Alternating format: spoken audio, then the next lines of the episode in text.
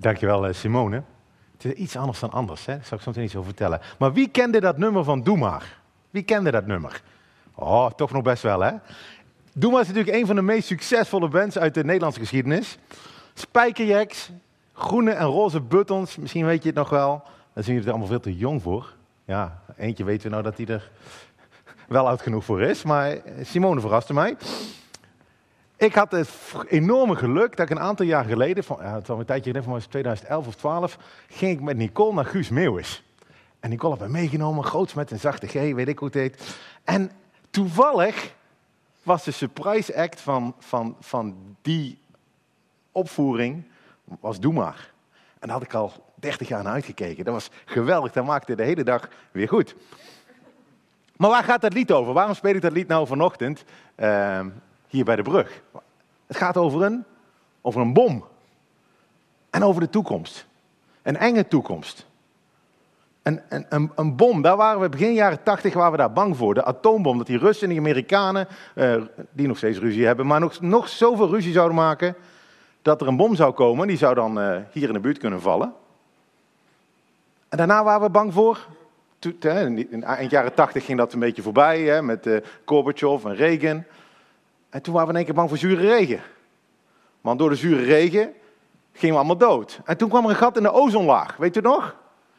Een gat in de ozonlaag, daar gingen we door dood. En toen kwam de Millennium Bug. We zouden het jaar 2000 zouden we niet halen, want al die computers, ook van die atoombommen, zouden op tilt staan. En dan zou er uh, ook iets verschrikkelijks gebeuren. En toen, van de week, 19 jaar geleden, vlogen een paar vliegtuigen binnen in New York. Toen was het Al-Qaeda, terroristen. En die zouden ons allemaal afmaken. ISIS of IS. Toen was het CO2-uitstoot. Stikstofuitstoot. En dat zijn we nou ook weer vergeten. Dan moesten de snelheden in Nederland begin van het jaar nog omlaag. Vanwege al die stikstofcrisis. En nu is het COVID. Er is altijd wat. Er is altijd wat waardoor we angst houden. En de boodschap blijft, we gaan er allemaal aan tenzij. Tenzij we hier geld aan geven of daar geld aan geven. Vaak wil iemand geld van je. Maar het leuke van het lied van Doe maar is, dat ze het lied nadenkt. Hé, hey, we gaan, oké, we gaan eraan, de bom gaat vallen. Wat, wat doet er dan echt toe in ons leven? Wat is echt belangrijk? Je carrière, je nette pak, je, Duitse woordjes, niet nachts uit, buiten zo, als, ik nu weet ik wat. Je verzekeringspasjes, wat moet je daarmee? Nee, zegt Doe maar jou kennen, weten wie jij bent, dat is veel belangrijker. En vandaag wordt mijn betoog, als we zo meteen naar Daniel kijken, doe maar heeft gelijk. Alleen, misschien door die jou met een hoofdletter moeten schrijven, of misschien nog beter, u zeggen. Ik denk dat dat wel netter is in het Nederlands.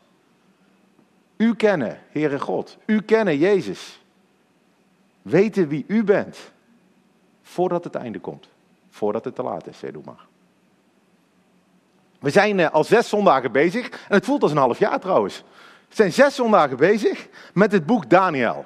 En als je voor het eerst bent, denk je: wow, wat gebeurt hier? Een hele. Eh, Simone leest hier iets, iets heel raars voor met dieren en horens. En de rest van het boek was redelijk normaal.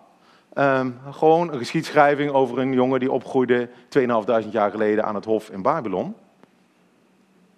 Maar je merkt als je hier wel was dat de toon van het boek veranderd is, het is donkerder geworden.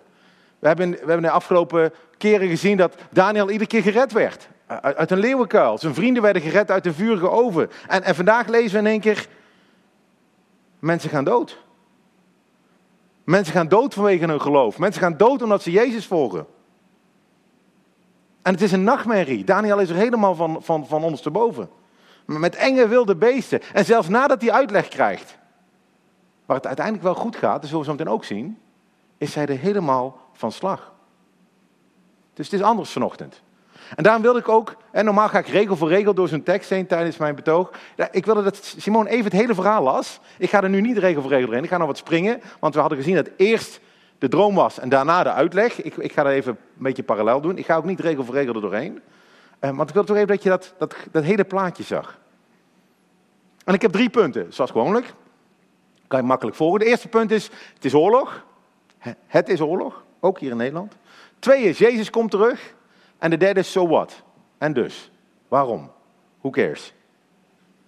Wat betekent dit voor ons nu vandaag in 2020? Maar laten we beginnen. Daniel droomt, hè? het is s'nachts.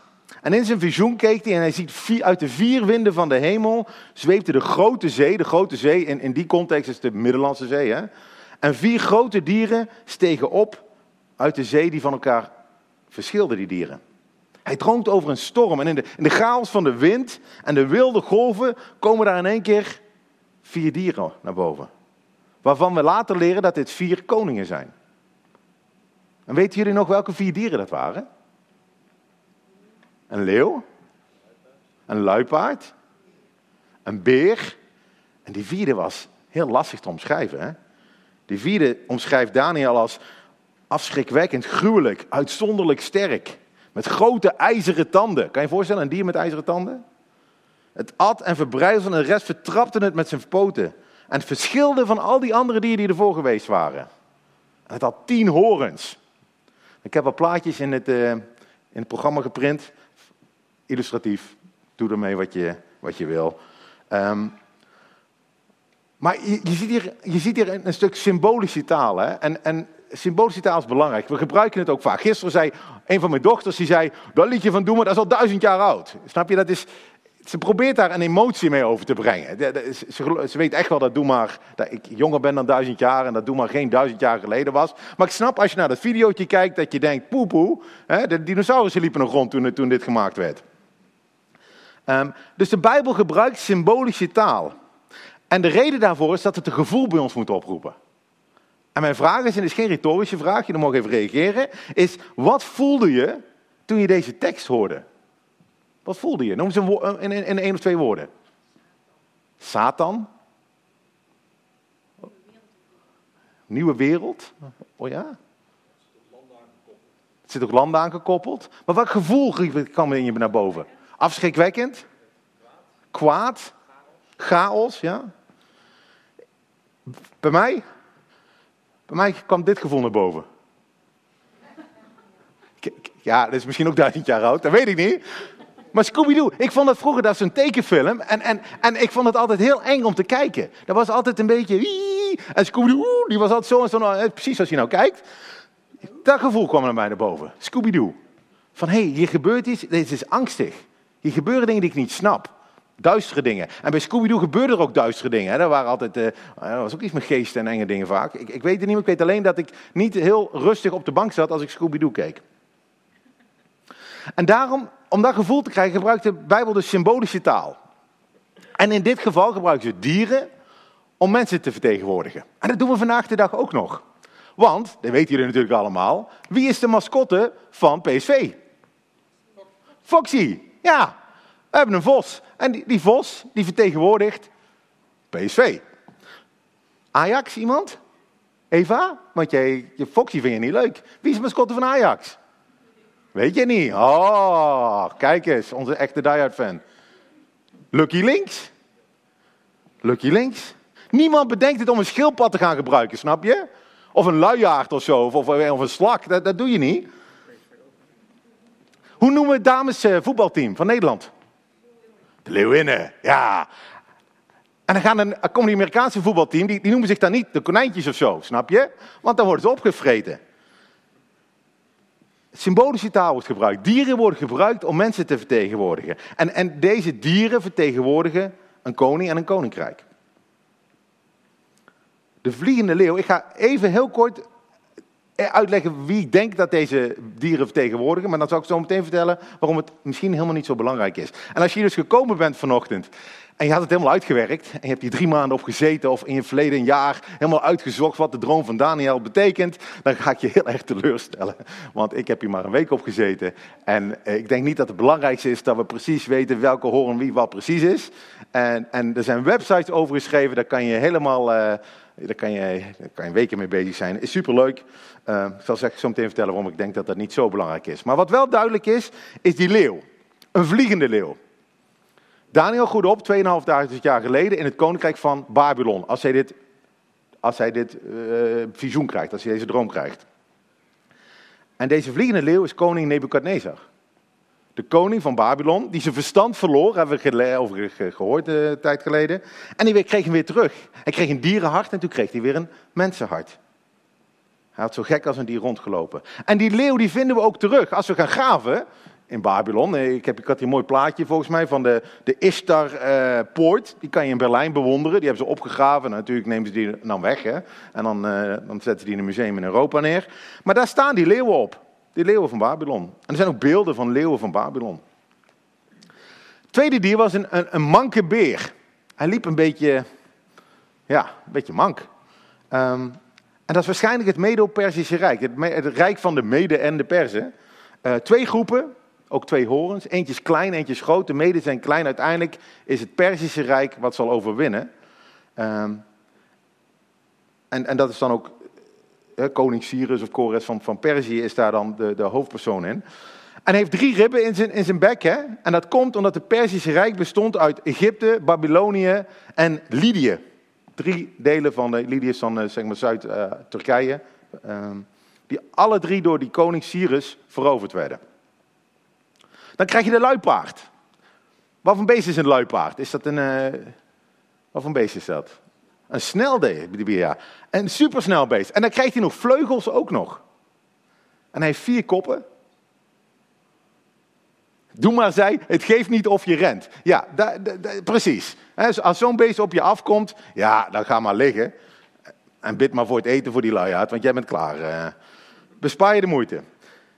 De, de luiaard is nee, de luipaard is waarschijnlijk de bekende uh, uh, Griekse koning Alexander de Grote. We, hebben voordeel, hè? we zitten, Daniel is al 2.500 jaar geleden, hij wist hij veel, had geen geschiedenisboek over de toekomst. En wij kunnen gewoon terugkijken, hey, die koning dat, dat matcht. Koning Alexander de Grote heeft in tien jaar tijd van Egypte tot aan India veroverd. En toen ging hij dood. En toen hij dood ging, hij had geen kinderen is zijn rijk naar vier generalen gegaan. Vandaar die vier koppen. En in het volgende hoofdstuk zullen we ook zien dat het rijk in vieren verdeeld wordt. Um, dus wij kunnen gewoon zien dat, dat dat is zo gebeurd.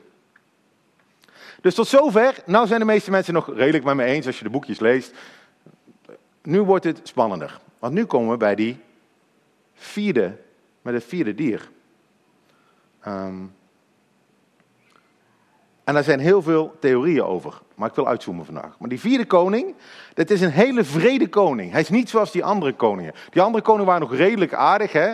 Nou kan je natuurlijk zeggen, Nebuchadnezzar had Daniel meegenomen, gecastreerd. En in zijn, ik bedoel, dat is ook niet allemaal heel aardig. Maar dit gaat over een koning die echt oorlog voert tegen de Joden en hun God. Sommige mensen denken aan het Romeinse Rijk, aan Nero die, die echt christenen vervolgde. Anderen denken weer aan koning Antiochus IV van Griekenland, die echt de tempel helemaal verwoest heeft. En je kan erover lezen in, in, in de brieven van Maccabeeën, er, er zijn teksten over, die echt verschrikkelijk, verschrikkelijke dingen deed. Uh, en hij verzet zich echt tegen God. We, we lazen over grootspraak, we lazen over uh, uh, woorden tegen de Allerhoogste. Maar omdat hij niet lijkt op die andere dieren, denken toch ook veel mensen dat deze vierde koning nog moet komen. Dat dit iets is in de toekomst. Of, want hij heeft tien horens, dat er een, een successie van koningen is. En misschien hebben we er al een paar gezien. Een successie van heersers. Misschien, hè, sommigen zeggen Hitler was er één van. Sommigen zeggen de Europese Unie is er, tien staten, bla bla. Er zijn allerlei conspiracy theories over. Um, maar de meeste zijn wel mee eens, deze vierde koning, die komt nog. Dat komt nog. En het gaat dus niet geweldig worden. Ik geloof dat in Daniels droom niet alleen gaat over deze vier specifieke koningen. Uh, die vanuit zijn perspectief nog moesten komen op Nebuchadnezzar na. Ik denk dat het juist gaat over de geestelijke machten achter die koningen. Want er zijn twee werelden. We hebben een geestelijke wereld en we hebben een fysieke wereld. En de geestelijke wereld die blijft bestaan. Die koningen gaan dood, maar de gedachte en de geest achter zo'n koninkrijk blijft bestaan.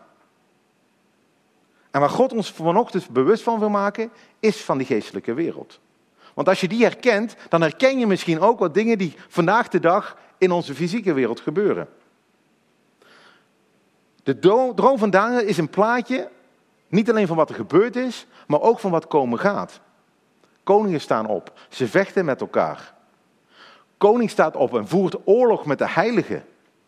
En hij overwint hen, staat hier. We hebben tot nu toe alleen maar gelezen dat God overwint. Maar hier staat, er komt een koning en die overwint. Die gaat de mensen die God volgen, de heiligen worden hier genoemd, gaat hij overwinnen. Die mensen gaan verliezen. En de koning zal erop uit zijn om, om tijden en de wet te veranderen. En ze zullen in zijn hand worden overgegeven. Voor een tijdtijde en een halve tijd. Dat is ook weer zo'n beeldspraak. De koning wil de wet veranderen, de wet van God. En die koning is tegen God. In het Nieuwe Testament wordt die, die, die, die macht die tegen God is, die tegen Jezus is, wordt de antichrist genoemd, de antigod. De, de mens van wetteloosheid door Johannes. Door Paulus, sorry, Johannes noemt hem de antichrist. Hij die tegen Jezus is. En dat is belangrijk voor ons om te weten, omdat het tijdens de wereldgeschiedenis zo vaak gebeurt. Koningen staan op onder invloed van deze geestelijke machten. En ze zullen oorlog voeren tegen de heiligen.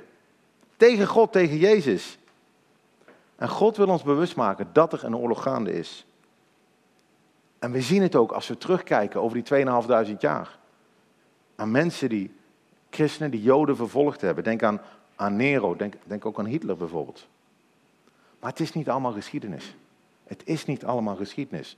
Drie maanden geleden, 4 juni, stond er een artikel in het Wall Street Journal. The Gospel according to Xi. Het evangelie volgens Xi.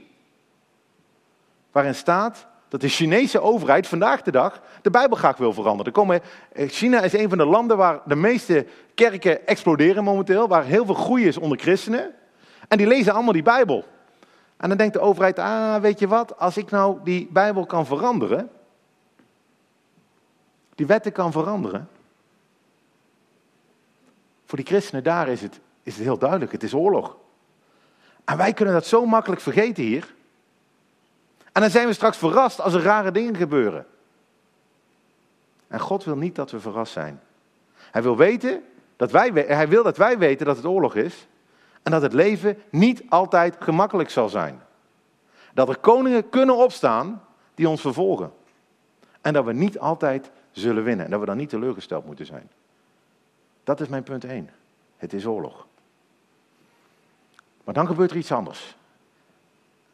Dat is mijn tweede punt. Jezus komt terug. Dan komt het goede nieuws. Een geweldig mooi plaatje. Ik keek toe totdat de tronen werden geplaatst. En de oude van zich neerzette. Zijn gewaad was wit als de sneeuw en het haar van zijn hoofd als zuivere wol. Zijn troon bestond uit vuurvlammen en de wielen ervan, wielen op zijn troon, waren laaiend vuur. God die zich neerzet, niet als een soort Sinterklaas of kerstman of ik weet niet of een idee je soms hebt, maar, maar wit als sneeuw, puur. En vlammen komen uit zijn troon. Weer een mooie beeldspraak. Waar roept dat op bij jullie? Ook in een woord. Majesteit, een mooi woord, ja. Wijsheid. Wijsheid. Kracht.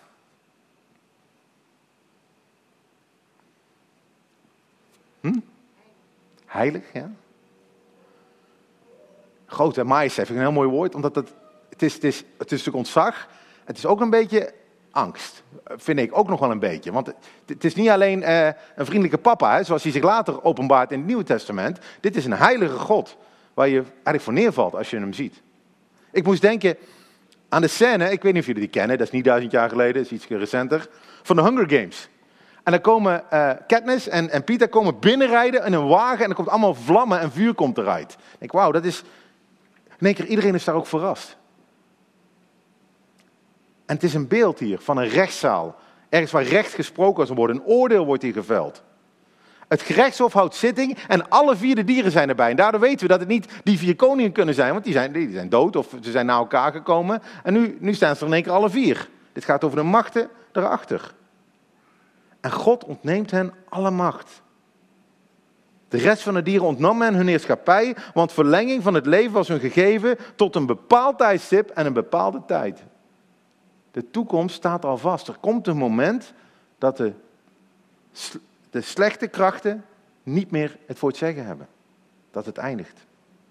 God had ze macht gegeven. God had ze macht gegeven. Maar tot een bepaalde tijd. Ergens anders hadden we net gelezen. Een tijd, tijden en een halve tijd. Ja, 1, 2, 3, 3,5. 3,5 jaar. Maar dat kan natuurlijk ook symbolische taal zijn. God is almachtig. Hij heerst over alle koninkrijken. Hij is de koning over alle koningen. Over, over Willem-Alexander, over Trump, over Poetin, over meneer Xi die zijn boekje wil herschrijven. En God zit hier als koning op zijn troon. En dan komt er iemand aan, op een wolk. Ik keek toe in een nachtvisioen en zie, er kwam met de wolken van de hemel iemand als een mensenzoon. En hij kwam tot de oude vandaag en men deed hem voor zijn aangezicht naderbij komen. Hier komt de mensenzoon. Daniel wist niet wie het was. Iemand als een mensenzoon. Maar wie noemt zichzelf keer op keer de mensenzoon? Jezus, ja. 81 keer noemt hij zich de mensenzoon. En hier komt hij met de wolken van de hemel. Niet, nou, net zoals hij vertrokken was dus met hemelvaart, hè, is hij weggegaan met de wolken van de hemel. Nu komt hij terug. En hem wordt dan gegeven, Jezus wordt gegeven, alle heerschappij, eer en koningschap. En alle volken, alle naties, alle talen moesten hem vereren. Zijn heerschappij is een eeuwige heerschappij die hem niet ontnomen zal worden. En zijn koningschap zal niet te gronde gaan. Dit is de kroning van een koning, hè? Dit hebben we een aantal jaar geleden gezien toen, toen, toen Beatrix wegging en, en Willem-Alexander kwam. Dit is een, een enorme ceremonie waar Jezus tot koning gekroond wordt. Jezus, die zowel de zoon van God is als de mensenzoon, gaat op de plek van God de Vader zitten. En dat is heel bijzonder, hè? Want als je later naar het visioen van Johannes zou kijken, dat mag je wel eens een keer doen thuis in openbaring, de eerste hoofdstuk, dan ziet Daniel, of dan ziet Johannes God zitten op zijn troon, of ziet hij Jezus zitten op de troon van God, en omschrijft hij hem precies zoals we hier de oude vandaag omschrijven. Heel bijzonder. En iedereen op de hele wereld, iedereen gaat hem vereren. En daarom weet ik ook dat het visioen van Daniel nog niet voorbij is. Want er is nog geen enkel moment in de geschiedenis geweest dat iedereen God vereert. We zitten in een tijd tussen de eerste komst van Jezus als een klein, machteloos kindje in een, in een, in een, in een kribbe in, in, in, in een klein dorpje Bethlehem en Nazareth. Schijnbaar machteloos. En de tijd dat hij terugkomt op een wolk. Met alle macht. En tattoos op zijn. Eh, echt, dat wordt hij geweldig. En hij zal eeuwig heersen, staat hier. En dan staat hier: het gerechtshof zal zitting houden. En men zal hem zijn heerschappij ontnemen. Hè? Dat gaat over, over, over die koningen. En vooral over die vierde koning. En ze zullen hem volledig vernietigen. De koningen en machten die zich tegen God hebben gekeerd, worden vernietigd. En ik weet niet wat voor plaatjes jullie allemaal uh, hebben in, in, je hoofd van de hel of zo. Hè. Ik heb misschien een schilderijen gezien. Of, of je krijgt allemaal invloed van de cultuur. Soms hebben we het idee dat de hel een soort Las Vegas is, hè, waar alles gebeurt wat niet mag. En dat er één burgemeester is van Las Vegas en dat is Satan. Maar dat staat hier niet. Hier staat dat alle heerschappij wordt ontnomen van alle duistere machten. Satan regeert daar niet. Jezus regeert. Overal. Ook in de hel. En als je dat niet gelooft, moet je misschien naar Psalm 139 kijken. Daar staat dat Jezus zowel in de hemel als in de hel regeert. Dat is echt voor heel veel mensen nieuw. En dan het mooie. Het koningschap en de heerschappij en de grootheid van de koninkrijken onder heel de hemel zullen gegeven worden aan Jezus. Nee, aan het volk van de heilige van de Allerhoogste. Dit is een heel belangrijke boodschap van Daniel. Daniel die trouwens onderdrukt werd in Babylon. Hè? De, hij zat echt in een andere situatie als wij vandaag. En aan alle christenen die na hem onderdrukt worden door Antiochus, door Nero, door Hitler, weet ik wat. En stel vermoord werden voor, voor een geloof, dat God gaat rechtspreken. En hij gaat overwinnen en het gaat, alles komt goed. En dan mag het volk van God, mag met, met God regeren op de troon. Weet je, in de hemel hebben we soms het, ja, het is een schilderij-idee, hè? Dat we een dikke baby zijn met een luier en op een harp mogen spelen. Dat lijkt me zo boring en dat is ook niet wat hier staat. We mogen samen met Jezus regeren tot een eeuwigheid. Dat is geweldig. Over wie dan, is dan de vraag. Ja, daar zijn veel theorieën over. Daar zijn veel theorieën over. Over engelen, misschien over andere geestelijke machten. Misschien mogen regeren op de aarde in een duizendjarig rijk. Samen met Jezus. Over, ook over de mensen die nog niet hun knie hebben laten buigen voor Jezus. Misschien wel samen regeren. Dienend leiderschap. In een nieuwe hemel, een nieuwe aarde. Elkaar dienen. Maar er komt iets aan, er komt iets geweldigs aan. Waar we niet op een harpje gaan spelen, maar dat we die nieuwe aarde, die nieuwe hemel mogen regeren. Dus we kunnen ons vanochtend verliezen in alle details. Hè? Wie is nu welke koning? Wanneer gaat het nou precies gebeuren? Wanneer is nou precies het tijdstip? Daar, kan je, Zoals gezegd, kijk de internetsites door en je bent lekker een week van de straat af. Ik wil even uitzoomen en vanaf een afstandje kijken. bij ASML zeggen we vanaf het balkon kijken in plaats van je in de dans begeven. Want hè, we zijn altijd druk met dansen, blijkbaar bij ASML. En af en toe moet je op de balkon staan en kijken, wat is nou het grote plaatje? En het grote plaatje is, er komen moeilijke tijden, ja. En ja, het zal lijken dat het kwaad zal overwinnen. Maar, er komt een dag dat Jezus terugkomt op een wolk.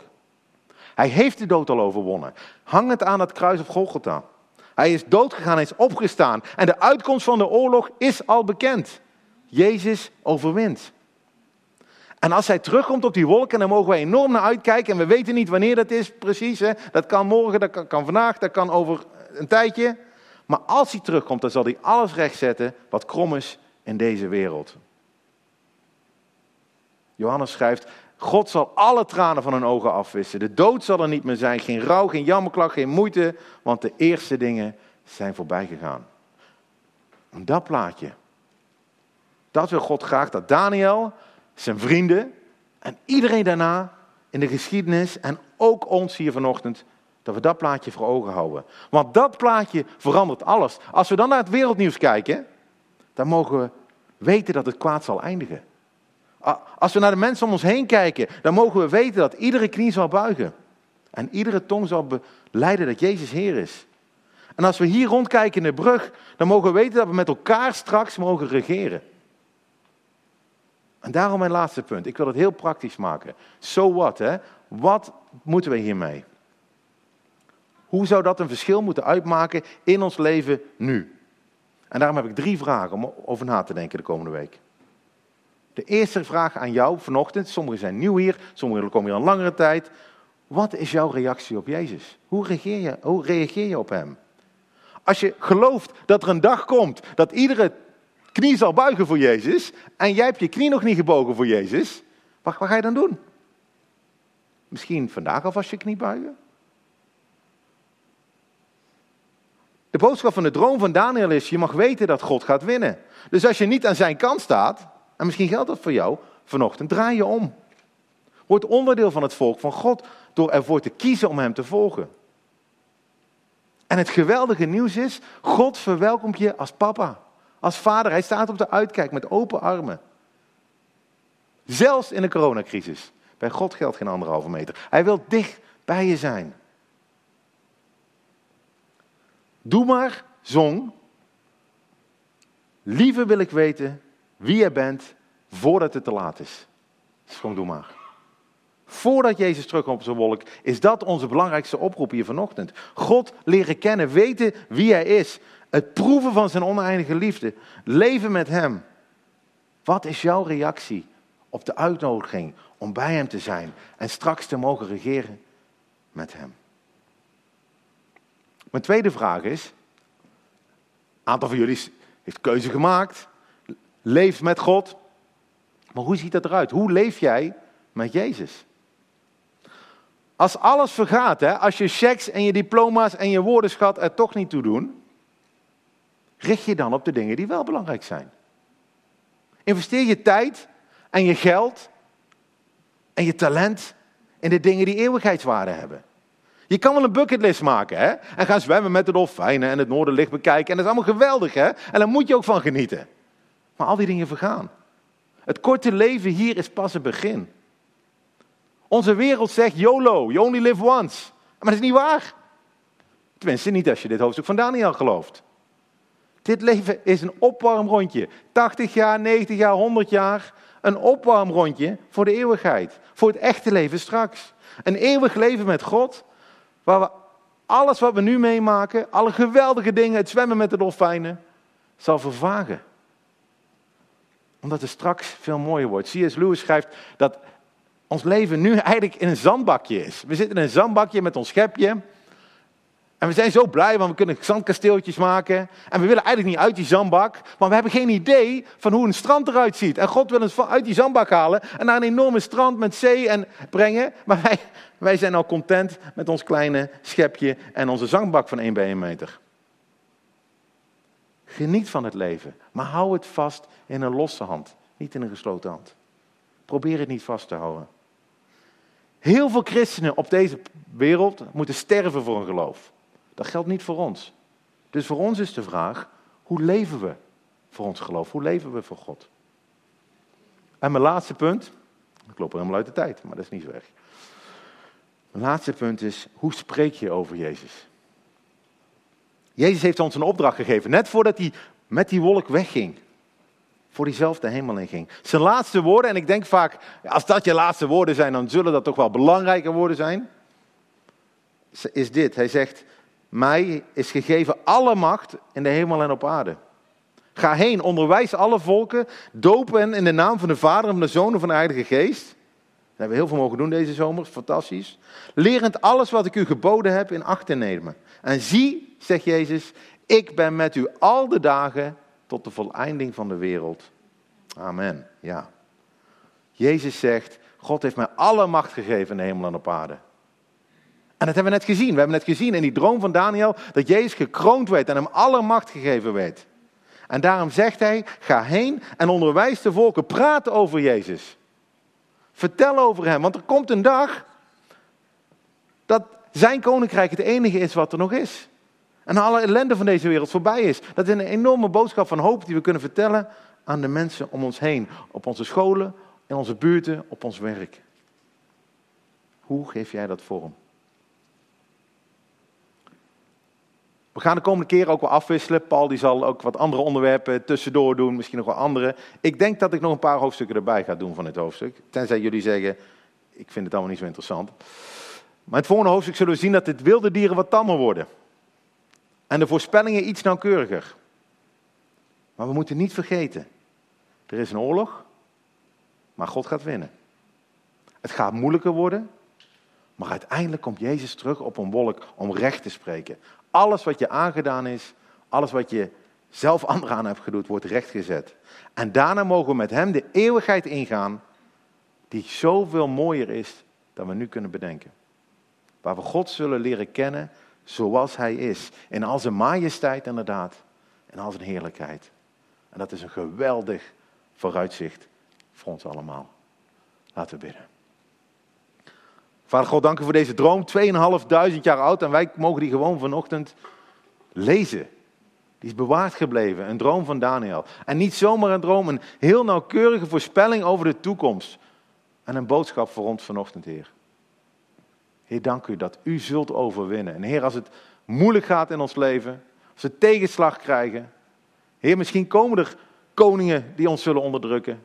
Mogen we daaraan vastklampen, net zoals de christenen de afgelopen duizenden jaren gedaan hebben, Heer. Zelfs in de meest verschrikkelijke omstandigheden, Heer. Mogen we ons vastklampen dat we mogen weten, u komt terug en dan zal recht gesproken worden. Dank u wel, Heer Jezus, dat u voor ons gestorven bent aan het kruis om het kwaad te overwinnen. Om het kwaad te overwinnen. En dat u straks zult regeren en wij mogen dat met u. Ja, als we de komende week ingaan, geef ons ook mogelijkheden, Heer, om keuzes te maken voor u. Geef ons kracht daarvoor.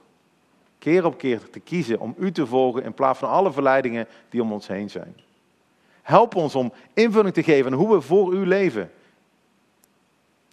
En Heer, als u mensen op ons pad brengt die vragen hebben, die het moeilijk hebben, Heer, help ons dan om deze mooie boodschap van hoop en van een geweldige toekomst te delen met die mensen. Dank u wel. Amen.